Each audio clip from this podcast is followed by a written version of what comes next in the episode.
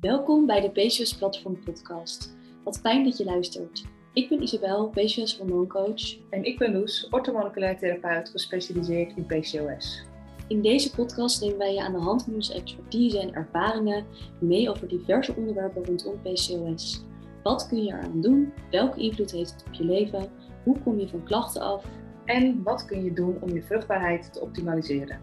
Zie jij door de bomen het bos niet meer en wil je accurate informatie over PCOS? Luister dan vooral verder. Let op, deze podcast bevat geen medisch advies. Welkom bij weer een nieuwe podcast. Dit keer alleen met mij, Loes, omdat Isabel op vakantie is. Die zit lekker in Portugal op dit moment en ik ben uh, er wel. En ik ga het vandaag met jullie hebben over de koperspiraal. Mijn ervaring met de koperspiraal en PCOS. En um, in deze podcast wil ik ingaan dus op mijn persoonlijke ervaring, maar ook eventjes een stukje verschillende soorten anticonceptie. Het verschil tussen de koper en de hormoonspiraal. De koperspiraal zelf, dus de werking, de plaatsing, eventuele bijwerkingen. Onze visie op deze vorm van anticonceptie en um, wat vragen die ik van jullie heb gekregen via Instagram. Ik had een vraagsticker daar gedaan en um, nou, de vragen die relevant waren echt voor dit onderwerp, die heb ik daaruit gepikt. Nou, um, allereerst om eventjes te starten met mijn persoonlijke ervaring. Um, ik heb twee keer een koperspiraal laten plaatsen. En ik zal daar gaandeweg deze podcast ook um, ja, verder op ingaan. en ik heb ze er ook allebei weer uit laten halen. Omdat de eerste uh, ging bewegen, die, die ging zelf uh, leven leiden, dus die was verzakt. En um, de tweede, daar kreeg ik tussentijdse bloedingen van. Dus dat, uh, en de eerste eigenlijk ook achteraf gezien. Ik uh, ja, wist toen nog niet helemaal de vinger erop te leggen, maar um, daar kreeg ik in ieder geval veel pijn bij. En, uiteindelijk constante bloeding. En toen heb ik hem laten verwijderen. En uh, de tweede, ja, bloedde ik twee van de vier weken per maand. Nou, dat vond ik uh, op een gegeven moment uh, nogal irritant. Dus toen heb ik ervoor gekozen om hem mee te laten verwijderen. Nou, ik ga hier um, dus gaandeweg deze podcast ook wat meer over vertellen op de onderwerpen die we gaan aanstippen. Want we willen jou heel graag meenemen in um, onze visie ook. En zodat jij een wel afgewogen beslissing kan maken over ja, deze vorm van anticonceptie. Want het, het lijkt voor veel vrouwen een hele uh, goede optie, omdat het geen hormonen bevat. En uh, we willen je graag meenemen in onze kijk daarop. Nou, allereerst een klein stukje anticonceptie-inleiding. Uh, als in, we gaan, ik noem eventjes de verschillende vormen van anticonceptie die er bestaan. Voor het geval je dat nog niet weet, want je krijgt natuurlijk bij de diagnose PCOS vaak het advies van, nou, ga maar aan de pil en kom maar terug als je zwanger wilt worden. Um, of als je gelijk een actieve zwangerschap wens hebt, dan, dan start een dergelijk traject. Uh, dus de gewone anticonceptiepil, die zijn in verschillende vormen, maar nou, die kennen we allemaal denk ik wel. Uh, maar je hebt ook het anticonceptiestaafje die in je arm wordt aangebracht, die elke dag gedurende de dag een klein beetje hormonen afscheidt. Je hebt de prikpil die één keer gezet wordt en dan heb je uh, sowieso drie en volgens mij zes maanden dekking als het ware. Je hebt de Nuvaring, Um, de Mirena Kilena spiraal, dat zijn hormoonspiraaltjes. Um, en natuurlijk de koperspiraal waar we vandaag op ingaan. En je hebt het condoom. Nou, um, verder heb je natuurlijk ook nog een vorm van anticonceptie door het middel van het trekken van je cyclus.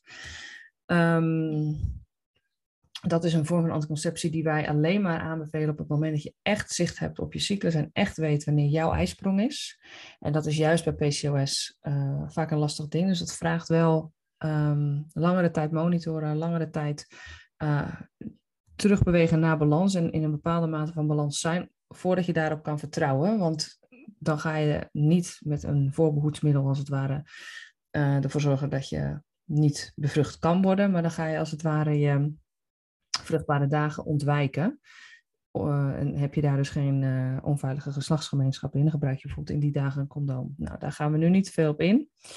Um, maar dit zijn een beetje de smaken, als het ware. Natuurlijk kun je ook nog voor uh, sterilisatie gaan. Maar nou, dat lijkt me op dit moment niet heel relevant als je PCOS hebt. Mocht het wel zo zijn, dan hoor ik het natuurlijk graag. Oké, nou je hebt dus verschillende soorten spiralen, zowel hormoonhoudend als hormoonvrij. En um, bij hormoonhoudend is eigenlijk de spiraal altijd in de vorm van een T en bevat het dus hormonen levonorgestel. Gestrel, moet ik goed zeggen. Dat zorgt ervoor dat uh, de cyclus beïnvloed wordt, dat het bevruchting voorkomt, dat het innestelen voorkomt, dat het baarmoederslijmvlies niet toegankelijk is voor die zaadcellen. En um, een beetje afhankelijk van je gevoeligheid kan het um, ervoor zorgen dat je cyclus helemaal uitblijft. Dus dat je ook geen menstruatiebloeding of wat voor bloeding dan ook krijgt, omdat er geen ijsprong is en, en geen opbouw van uh, baarmoederslijmvlies. Of in ieder geval geen loslaten van baarmoederslijmvlies. En um, soms komt het wel voor dat er nog een soort van cyclus blijft. Um, in een koperspiraal, dan is er dus geen sprake van hormonen. Dus in die zin beïnvloedt het in directe zin minder de cyclus. In principe ben je gewoon in staat om met een koperspiraal je cyclus te behouden. Dat was ook bij mij de reden dat ik voor een koperspiraal ging, want ik reageerde heel slecht op de pil. Ik had dat twee keer geprobeerd.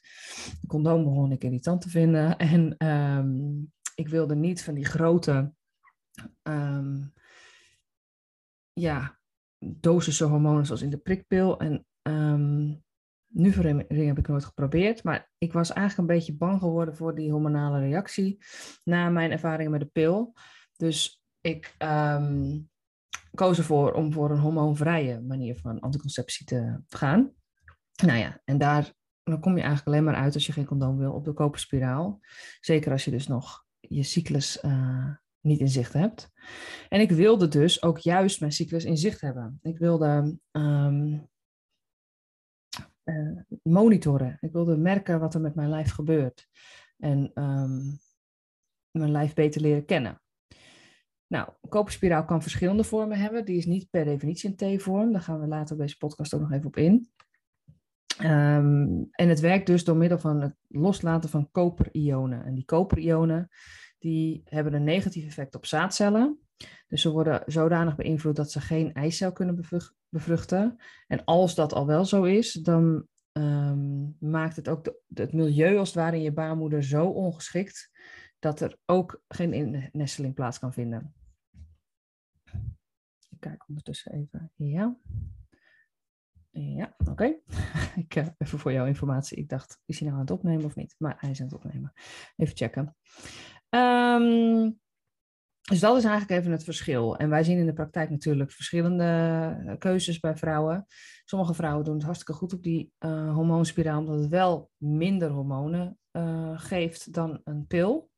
Maar het geeft nog steeds hormonen. Dus je krijgt geen zicht op, of weinig zicht op je natuurlijke cyclus. En het beïnvloedt je lichaam wel. Ook al wordt er soms gezegd dat het heel plaatselijk is. Kijk, ja, je lichaam werkt niet met plaatselijk, zeg maar. Die, uh, het één geheel en dat werkt echt zeker weten door. Dus we horen ook verhalen van vrouwen die zeker um, negatieve effecten ervaren van een hormoonspiraal. Nou, er zijn dus verschillende soorten koperspiralen, zoals ik net ook al zei. Um, je kunt dan denken aan de T-Safe, Ginefix, FlexiT, de Multisafe. Um, je hebt er nog een paar. Ik ga ze straks allemaal los van elkaar behandelen. En um, het grote verschil is vooral de vorm. En er zijn ook nog wel wat ja, verschillen in hoeveelheid koper die het afgeeft. Um, en zoals ik net ook al zei, het geeft dus geleidelijk elke keer een klein beetje koper af. En um, daardoor ben je als het ware beschermd. Dat moet ook wel. Er moet iets zijn die jouw zaadcellen, of ja, de zaadcellen van de man en jouw milieu uh, natuurlijk beïnvloedt. Um, nou, stel jij bent dit aan het afwegen. Ik dacht, dan is het misschien wel even fijn om je mee te nemen in hoe dat gaat. Want, nou, eerst ga je, uh, ik heb dat dus twee keer doorlopen. Um, het kan zijn dat je naar de huisarts gaat en dat, dat is de plek waar je het kunt aangeven. Um, en dat je huisarts er niet zo makkelijk mee instemt. Mijn persoonlijke advies is echt, als jij dit wilt, ga er echt voor staan. Ook al zeg je huisarts van nee, de pil is beter, nee, een hormoonhoudend spiratie is beter. Ik moest ook redelijk uh, voet bij stuk houden, maar je hebt gewoon recht op ja, jouw keuze. Dus laat je daardoor leiden door jezelf, door het onderzoek wat jij gedaan hebt. Hopelijk helpt deze podcast daar ook bij. En ehm, misschien heeft je huisarts een voorkeur die die een beetje op wil dringen, of wat voor overtuiging dan ook. Maar ehm, dat is niet leidend. Dat is mijn persoonlijke advies. Ehm, maar je moet het natuurlijk zelf wel uh, ja, zelf afwegen. Sowieso niks in deze hele podcast is medisch advies. Maar ja, wij krijgen dat wel vaker terug, dat vrouwen zoiets willen en dat dat ja, niet makkelijk wordt aangenomen. Maar ja, het is je recht. Je kan er gewoon uh, aanspraak op doen. Nou, dan ga je eens naar de huisarts en dan wordt de boel besproken. Er wordt gecheckt, heb je geen SOA? Uh, is er geen sprake van een zwangerschap? En als je ervoor kiest om uh, het sowieso bij de huisarts uit te laten voeren, dan wordt er dus ook een echo gemaakt waarbij er gekeken wordt van wat is de ligging en de grootte van je baarmoeder. In principe kan je huisarts het allemaal plaatsen, behalve de Ginefix. Daar moet, uh, is nog een gespecialiseerde aanpak voor nodig. Dus dat doen uh, specialisten. Ik heb er toen voor gekozen om uh, bij de gynaecologen te laten uitvoeren. Dat vond ik een ja, prettiger idee. En um, als dat dus allemaal is uitgesloten en, en inzichtelijk is gemaakt, dan um, maak je een afspraak en wordt de spiraal geplaatst. Um, ik weet nog de eerste keer dat ik hem liet plaatsen, dat ik eh, me ja, liet vertellen dat het wel een beetje pijn kon doen. Dat, dat is ook wel een beetje algemeen bekend. Dus ik had wat paracetamol genomen um, van tevoren. Dat kan wellicht een klein beetje helpen, maar dat is denk ik wel persoonlijk, ook afhankelijk van de reactie van je lichaam. Nou, in principe, misschien heb je al wel eens een inwendige echo of iets dergelijks gehad ga je liggen met gespreide benen en dan wordt de vagina en de baarmoedermond wordt helemaal gedesinfecteerd. En uh, er wordt een eendebek ingebracht, zodat er ruimte ontstaat. En kijk, het spiraaltje moet, moet niet in je vagina, maar moet in je baarmoeder. Dus het moet voorbij je baarmoedermond geplaatst worden. En je baarmoedermond ja, is heel nauw. Zeker als je nog geen kinderen hebt gehad, is, er, uh, is dat gewoon echt heel krap. En um, dat horen ook eigenlijk bijna altijd van mensen die wel kinderen hebben gehad. Dat het eigenlijk een piece of cake is, het plaatsen van een spiraaltje. Maar in mijn geval was er nog geen sprake van een kind. En um, nou ja, dan is het wel een ander verhaal. Nou, dan wordt er met een soort aanhaaktang wordt die baarmoederhals gerekt. En dan wordt het spiraaltje ingebracht. En ja, de pijn die dan kan ontstaan is wisselend. We horen verhalen van vrouwen die zeggen van nou, dat, dat ik voel het bijna niet. En sommigen die eh, voelen het heel heftig, een paar seconden. Um, in mijn geval vond ik het plaatsen zelf niet heel heftig. Het plaatsen op de korte termijn, zeg maar. Ik kreeg alleen daarna een hele heftige reactie van mijn lichaam. dus uh, ik weet niet of ik nou helemaal um, representatief representatief ben voor de hele doelgroep vrouwen zonder kind die een, um, een spiraal hebben laten plaatsen. Maar ik heb beide keren echt hele heftige pijn ervaren na het plaatsen van uh, de spiraal. Um, maar goed, in principe is dat een kleine handeling. Wordt de spiraal geplaatst en uh, er zitten twee draadjes aan en die knipt de arts af om uh, vervolgens na een x aantal jaren ook de spiraal weer te kunnen verwijderen. Dus die steken als het ware uit je baarmoedermond. Die kun je ook bij het uh, vrije voelen zitten. Er wordt op internet gezegd van niet. Nou, onze ervaring is wel. um, maar goed, ja, het is wel noodzakelijk. Anders uh, hebben ze moeite met het verwijderen. Um, dus dit is een klein beetje wisselend. Ik had dus daarna een hele heftige reactie, maar dat is heel persoonlijk. Um, er wordt wel geadviseerd van, nou, doe die dag rustig aan. Het kan helpen om een maandverbandje in te doen, geen tampon, wel een maandverbandje om lichtelijk bloedverlies eventueel op te kunnen vangen. En die dag gewoon even chill te doen, even te ervaren hoe het voelt. Ik voelde die dag zelf ook echt wel dat er wat gebeurd was. En ik voelde, ook, ik voelde het ook zitten. Dus um, ja, daar moest ik wel aan wennen. En er wordt ook gezegd van nou, hè, de eerste drie maanden zijn niet representatief voor de periode daarna. Dus al het bloedverlies of, of ja, pijn of dat soort dingen horen er redelijk bij. Ik ga straks nog even meenemen wanneer je wel aan de bel moet trekken. Maar in principe wordt er gezegd van de eerste drie maanden kijk het aan, geef het de tijd, uh, geef het de rust en het, ja, je lichaam went er als het ware aan. Dus je, je arts die wil ook na twaalf weken controleren of het goed zit. En dan ga je eigenlijk pas een beetje weten hoe het, uh, hoe het voor je werkt. Um, nou, in mijn geval was het inderdaad ook zo dat ik heel veel bloed verloor in de eerste twaalf weken. Dat werd uiteindelijk wel iets minder, maar is nooit gestopt. Zeker niet bij de tweede plaatsing. Um, dus mijn lichaam uh, heeft eigenlijk vanaf het begin af aan heel duidelijk aangegeven van nou, dit is niet jouw ding. Maar nogmaals, we treffen ook uh, vrouwen die, die het er wel goed op doen. Nou, een spiraaltje kan ongeveer vijf jaar blijven zitten. Je kunt het natuurlijk altijd eerder laten verwijderen als je uh, een kinderwens hebt of iets dergelijks. Of in mijn geval, ik heb het beide keren na drie kwart tot een jaar laten verwijderen, omdat ik dus klachten kreeg. Um, verwijderen overigens is echt piece of cake. Ook als je, het is niet, dat is echt totaal niet te vergelijken, in mijn opinie in ieder geval, met het plaatsen. Dus um, zeker na de tweede keer, dat de tweede keer plaatsen ook best heftig was geweest, uh, had ik wel spanning toen ik ging verwijderen uh, voor de tweede keer. Maar nou, dat zat allemaal echt in mijn hoofd. Dat was in de praktijk echt uh, peanuts. Dus um, er is ook een spiraalvorm die tien jaar kan blijven zitten. Dus op zich ben je er wel even vanaf als hij eenmaal goed zit.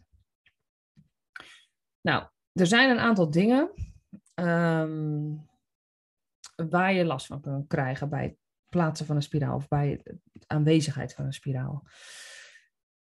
Wat we eigenlijk bijna altijd horen, wat mijn eigen ervaring is en wat we veel terugkrijgen, is dat je menstruatie langer en zwaarder is. Je, bij menstruatie knijpt als het ware je baarmoeder samen. En ja, nu zit er natuurlijk een uh, spiraal in. Dus dat kan ervoor zorgen dat het zwaarder, langer en pijnlijker uh, wordt. Nou, de tussentijdse bloedingen kunnen natuurlijk aanwezig zijn. Dat is een eventuele bijwerking. Um, wat daarvan exact de reden is, dat weet ik zelf niet. Ik heb het ook niet kunnen, niet kunnen ontdekken uit onderzoek. Mijn logische redeneringsvermogen zegt van, um, ja, er zit iets in je baarmoeder wat je baarmoederwand kan triggeren. En zeker als dat wat opbouwt, zou dat dan voor kunnen zorgen dat, er, dat het wat makkelijker loslaat. Dat is dan een beetje een soort van theorie die ik zelf bedenk. Maar um, het komt wel met regelmaat voor. Nou, vrouwen kunnen hem voelen zitten. Ik voelde hem zelf ook zitten. Ik had vaker last van, van buikkrampen. En dat is ook wel een algemeen geldende bijwerking. Um, je beïnvloedt natuurlijk ook het milieu van je vagina en je baarmoeder, vooral van je baarmoeder. Dus um, je kunt sneller last krijgen van vaginale infecties. Um, en ja, het kan gevoelig zijn tijdens de seks. Nu kun je, als dat echt een ding is, vragen of misschien die touwtjes meer afgeknipt kunnen worden, als dat niet secuur genoeg gedaan is. Maar um, ja, dat is ook mijn ervaring, dat dat uh, voor mij en voor mijn partner pijn kan doen. En um, het is een beetje afhankelijk natuurlijk van de hele anatomie van jou en van je partner en zo. Maar uh, dat uh, is zeker een uh, eventuele bijwerking. En wat nog bij een bijwerking kan zijn, is kopervergiftiging. En daar gaan we straks nog iets meer op in.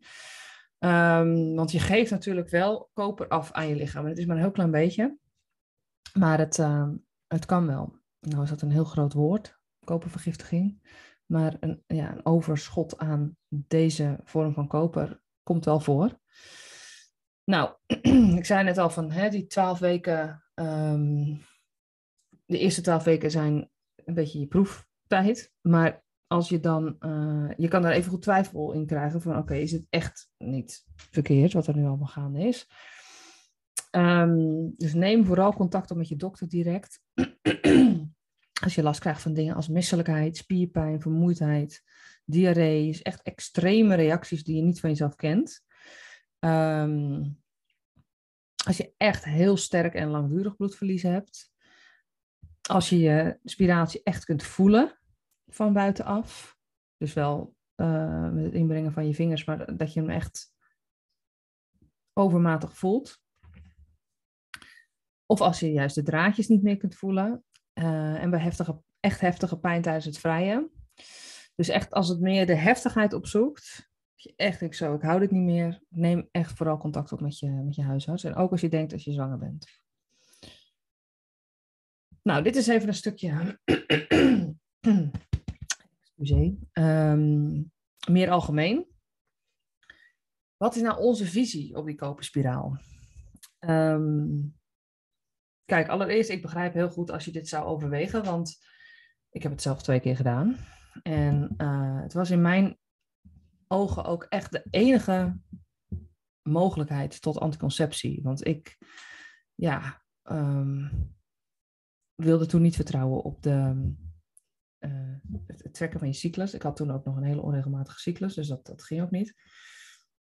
En zeker als je wat jonger bent, die condoom is ook wat. En um, als je wat jonger bent en even in een vaste relatie. En um, in mijn geval waren dat in ieder geval twee redenen. Um, dus ik denk, ja, het enige wat mogelijk is, is die koperspiraal. Of uh, accepteer dat ik zwanger zou worden, maar dat uh, was voor mij ook geen optie toen. Um, dus ik snap het echt heel goed als je dat uh, overweegt. Maar ja, zoals net ook al gezegd, er zijn wat bijwerkingen. En het beïnvloedt wel je lichaam. Althans, het wordt steeds duidelijker dat het, dat het wel een negatief effect kan hebben op je hormonen. En het is wonderbaarlijk, want er is eigenlijk vrij weinig onderzoek gedaan naar wat dit allemaal doet met het lichaam. Maar kijk, het geeft wel hormonen af. Het verandert je milieu.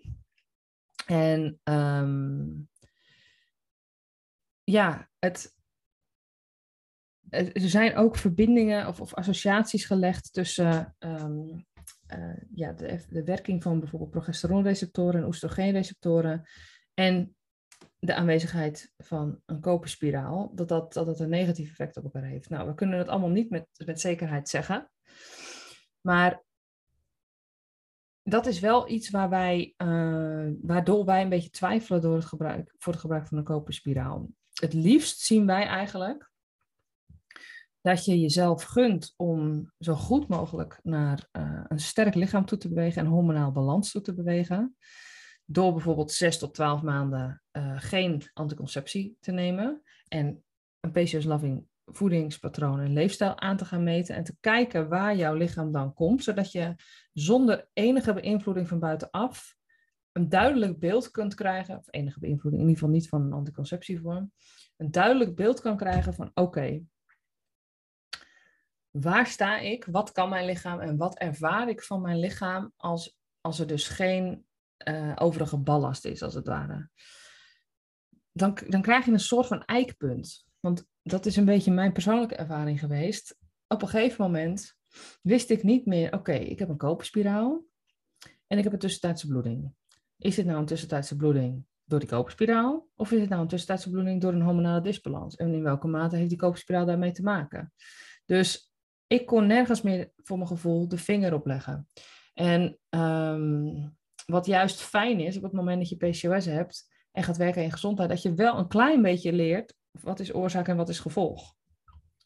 Um, natuurlijk blijft dat moeilijk, want het is zo multifactorieel. Dat je, je lichaam reageert op zoveel factoren. Maar dan kun je wel over een langere periode wel de tendensen en de verbanden gaan zien. En ik vond het persoonlijk heel uh, ja, vertroebelend dat er dus iets in mijn baarmoeder zat wat en zeer deed en waar ik uh, dacht reacties van te hebben. En um, ja, die daar definitief zat ook. En dat ik dus niet wist wat daar dus allemaal mee samenhing. En ja, kijk, zeker als je dan een hormoonspiraal of een uh, koperspiraal hebt geplaatst met een wat heftige reactie, van je lichaam, denk je ook niet van, nou weet je wat, ik laat hem wel weer verwijderen en dan kan hij er altijd weer in. Ik dacht, ja, waar zit er nou in? Ik vind het goed. Ik ga niet nu uh, de proef besom nemen om even te checken of het, um, of het uh, daardoor komt. En zo niet, dan plaats ik hem wel weer. Ik, was, uh, ik denk, ik zit voor nu een paar jaar wel even goed. maar ja, uiteindelijk toch door aanhoudende klachten te verwijderen. Nou ja, en mijn tussentijdse bloedingen verdwenen dus ook als sneeuw voor de zon. Dus dat was toen duidelijk. Um, maar ja, op het moment dat de spiraal er nog in zit, is dat een lastige afweging, vond ik. Um, dus ja, wij vinden het de beste vorm van um, anticonceptie. na condoom, het condoom. Ehm, ik heb ook een kluw even een slokje water. Het is leuk als je een monoloog geeft. Dan moet je aan je eigen stem de hele tijd werken. Ehm, dus ja, we vinden het de beste vorm omdat het inderdaad geen uh, synthetische uh, hormonen bevat. Maar die koper is niet iets om gewoon heel makkelijk aan voorbij te gaan. Het, het is een. Um, ja, het beïnvloedt het kopergehalte. En koper is een beetje een, een eigenlijk een interessant ding. Want kijk, je hebt uh, zwaar, het zware metaalkoper dat, dat kan stapelen, dat ding in de weg kan, kan zitten. Maar je hebt ook koper nodig. Weet je? Koper werkt, is een mineraal, werkt samen met zink en met alle andere mineralen in je lichaam. En biologisch beschikbaar koper krijgen we juist weer ehm, vaak veel te weinig binnen van voeding. Dus wij zoeken ook voor een Patients Loving Leefstijl, zoeken wij um, actief bronnen van die natuurlijke biologisch beschikbare koper op. Zoals bijvoorbeeld runderleven en kamu kamu, uh, bijenpollen. Dus uh, dat is, wat dat er gaat, een heel ondergesneeuwd mineraal. Alleen als het via een koperspiraaltje in je baarmoeder, ja, vanuit die weg binnenkomt, heeft dat een heel ander effect. En daar, zijn de, daar is gewoon nog heel weinig over bekend.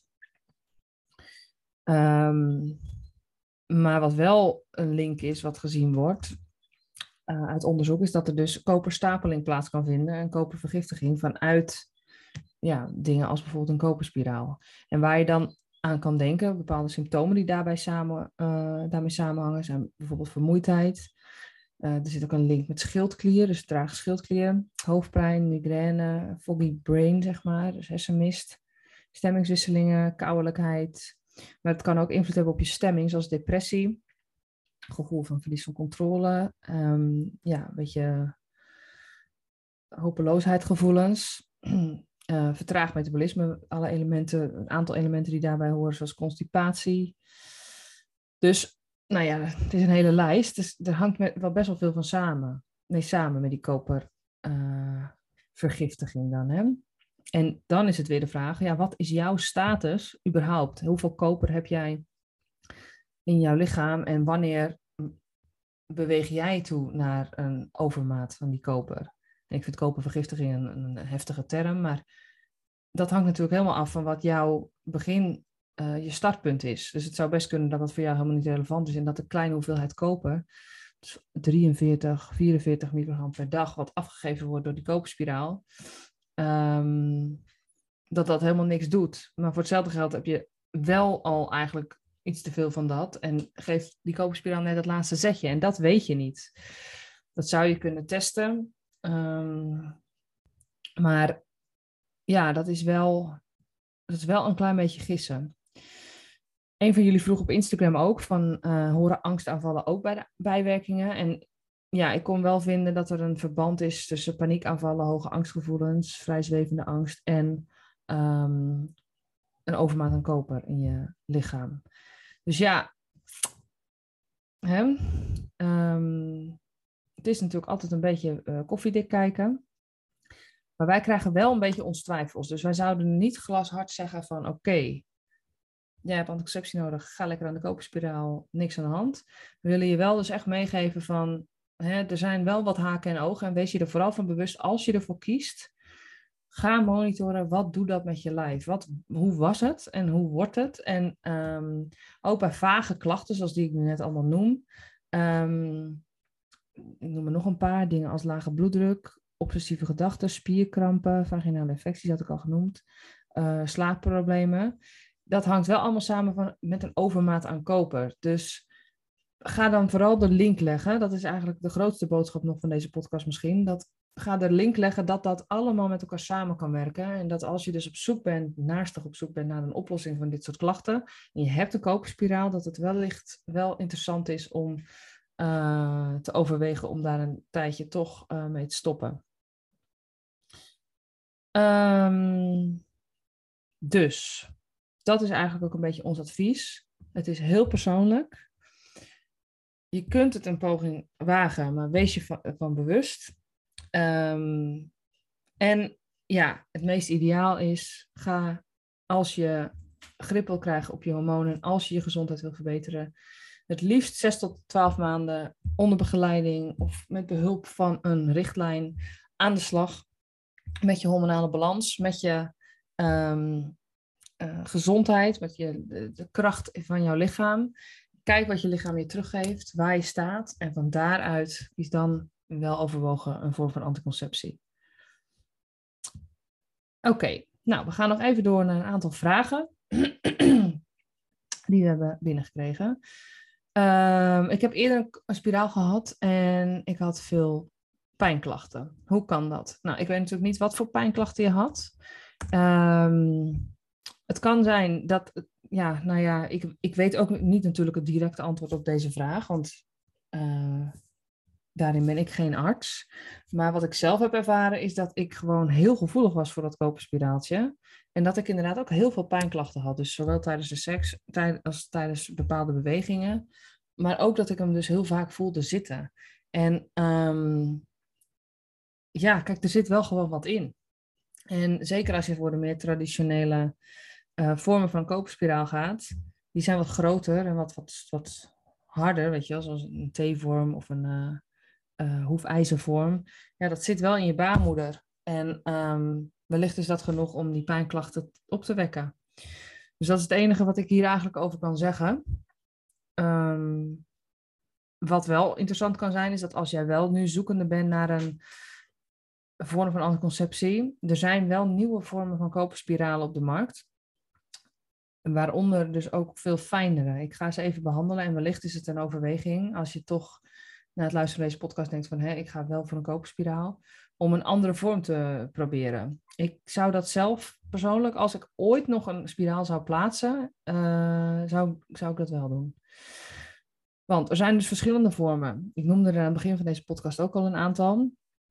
Deze informatie die ik nu ga vertellen staat gewoon online op spiraaltjeplaatsen.nl. en uh, ik zal ook wat sites noemen van de uh, merken die ik ga, ga noemen.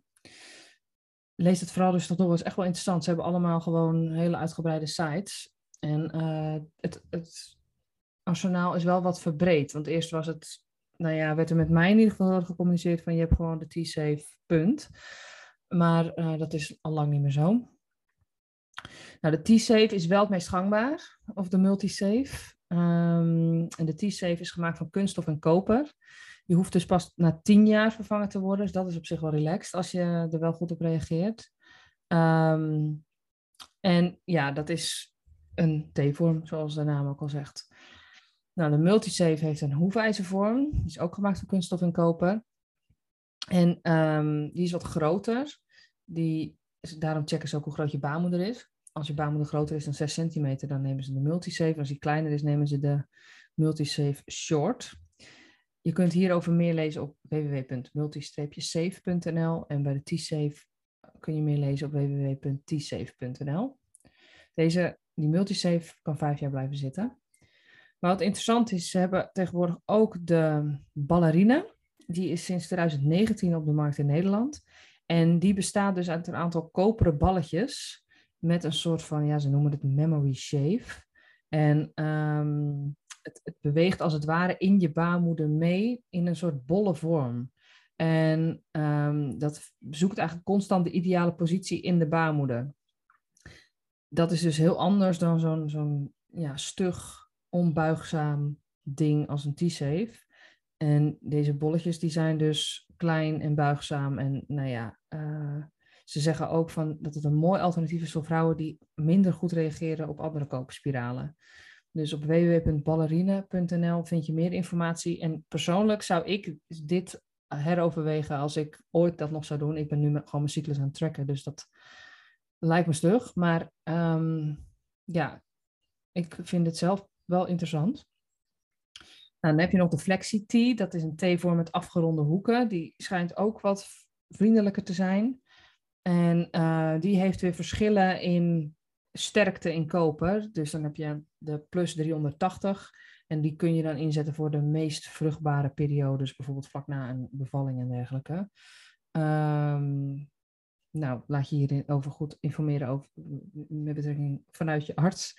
Um, daar doe ik verder geen uitspraken over. Um, www.flexie-t.nl en die is ook vijf jaar werkzaam.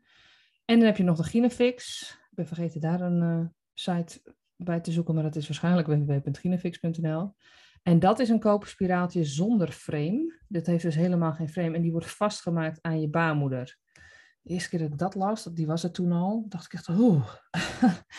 ik vond dat echt uh, een heel idee. Alleen, um, het schijnt wel een uh, hele vriendelijke vorm van koopspiraal te zijn, aangezien het dus helemaal geen verdere stugheid heeft.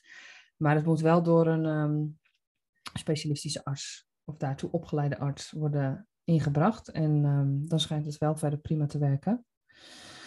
Dus dat zijn een beetje de, uh, de smaken, om het zo maar te noemen. Laat je je gewoon echt heel goed in voorlichten en, en doe zelf je onderzoek. En um, ja, er is gelukkig wel wat meer mogelijk. Nou, een laatste vraag die we hebben gekregen. Kom je hierdoor weer hormonaal in balans? Nee, dit is alleen maar een vorm van anticonceptie. Uh, nou, ik heb natuurlijk al toegelicht dat het zelfs invloed kan hebben op je hormonen. Je lichaam moet er wat mee met, met, met die koper. En um, het is dus een stukje ballast. En vaak bij PCOS is er al sprake van uh, overmatige ballast en willen we dat al wegnemen. Dus het zijn eigenlijk twee dingen. Dit is een vorm van anticonceptie. En ja, je hebt gewoon je weg naar balans te bewandelen met alle andere facetten. Voeding, leefstijl, mindset, slaap, beweging, um, optimaliseren van uh, je hele leefstijl en van je hele uh, voedingspatroon. En uh, het wegnemen eigenlijk van, van ballast. Dus, en dan zou het best kunnen dat als je dat doet, dat je lichaam dan in staat is om een koperspiraal te kunnen dragen. Dat zou idealiter de volgorde moeten zijn. Eerst werken aan de, draagkracht en vervolgens kijken uh, hoeveel draaglast ja, je lichaam kan dragen. Um, nou, dat was mijn monoloog. het is helemaal gek als je samen altijd een podcast opneemt om uh, nu uh, zo de vrije ruimte te hebben. Isabel kan wel wegblijven. Nee, hoor, dus, um, ik heb er uh, alweer heel veel zin in om lekker samen dit soort dingen te doen. Maar ik hoop wel dat dit jou in ieder geval um, verder heeft geholpen. Als je hier vragen over hebt, stel ze gerust. Dat kan via Instagram. Dan kunnen we het ook delen. Af en toe hebben we vraagstickers. Dus dat is het meest um, gemakkelijk dat je daar dan je vragen stelt. Maar, maar schroom niet. En um, ja, tot de volgende keer. Dankjewel voor het luisteren naar de PCOS Platform podcast. Heeft het je verder geholpen? Dan zou je ons en andere vrouwen met PCOS enorm helpen door een review achter te laten in je favoriete podcast app. Onze missie is om zoveel mogelijk vrouwen met PCOS te informeren over de mogelijkheden om van vervelende klachten af te komen en hun vruchtbaarheid te optimaliseren. Volg je ons al op Instagram, PCOS Platform. Daar delen we ook veel tips en informatie. Tot de volgende keer!